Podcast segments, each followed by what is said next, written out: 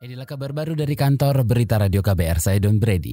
Saudara tujuh orang yang terjaring operasi tangkap tangan KPK di Lampung sudah tiba di Gedung Komisi Pemberantasan Korupsi. Informasi selengkapnya kita simak bersama jurnalis KBR Mutia Kusuma langsung dari Gedung KPK Jakarta. Saudara, Bupati Lampung Utara Agung Ilmu Mangkunegara bersama enam orang lainnya telah tiba di Gedung Merah Putih KPK Jakarta pada pukul sekitar 10 lewat 10 waktu Indonesia Barat.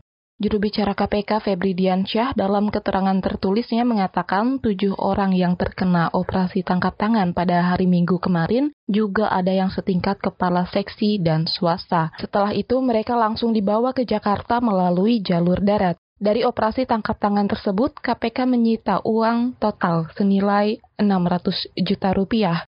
Uang tersebut diduga terkait proyek di pemerintahan Kabupaten Lampung Utara.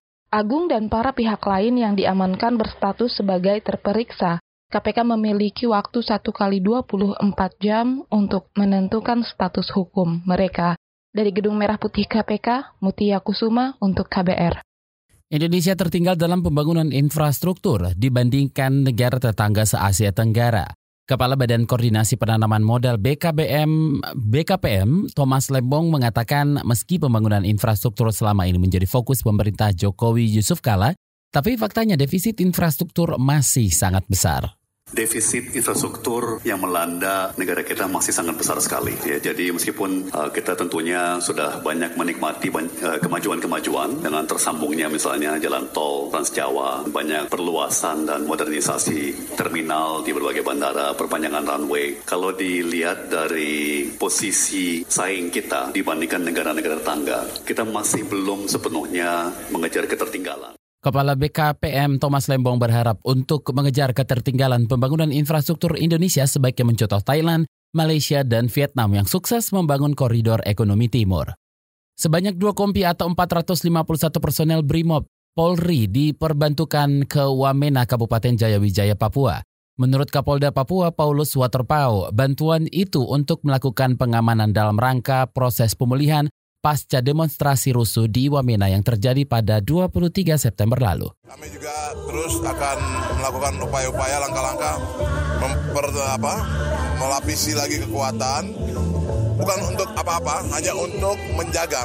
Beberapa wilayah lain yang kita anggap sementara ini um, tanda petik sebagai daerah yang sangat uh, rentan terhadap gangguan Kapolda Papua Paulus Waterpau menambahkan situasi keamanan di Wamena dan Papua pada umumnya terus semakin aman dan terkendali.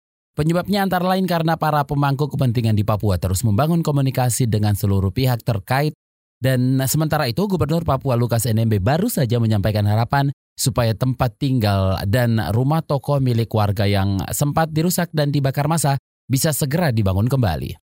Saudara, hari Senin ini menjadi hari pertama sekolah pasca demonstrasi rusuh yang berlangsung di Wamena, Kabupaten Jayawijaya pada 23 September lalu. Menurut Kepala Sekolah SMP Negeri 1 Wamena, Yemima Kopeu, para siswa diberikan waktu bermain untuk menghilangkan trauma dan rasa takut. Kegiatan belajar mengajar sebelum belum akan dimulai dan diganti dengan proses pendataan para siswa juga guru. SMP Negeri 1 Wamena memiliki lebih dari 1000 murid dan 43 guru. Pada hari pertama sekolah itu hanya 190 murid dan 27 guru yang hadir di sekolah. Kegiatan serupa juga dilaksanakan di SD Teresia Unggul dan SMA Negeri 1 Wamena. Siswa SMA Negeri 1 Wamena Heni Molama mengaku sangat rindu bersekolah dan ingin bertemu teman-teman di sekolahnya. Demikian kabar baru dari kantor Berita Radio KBR, saya Don Brady.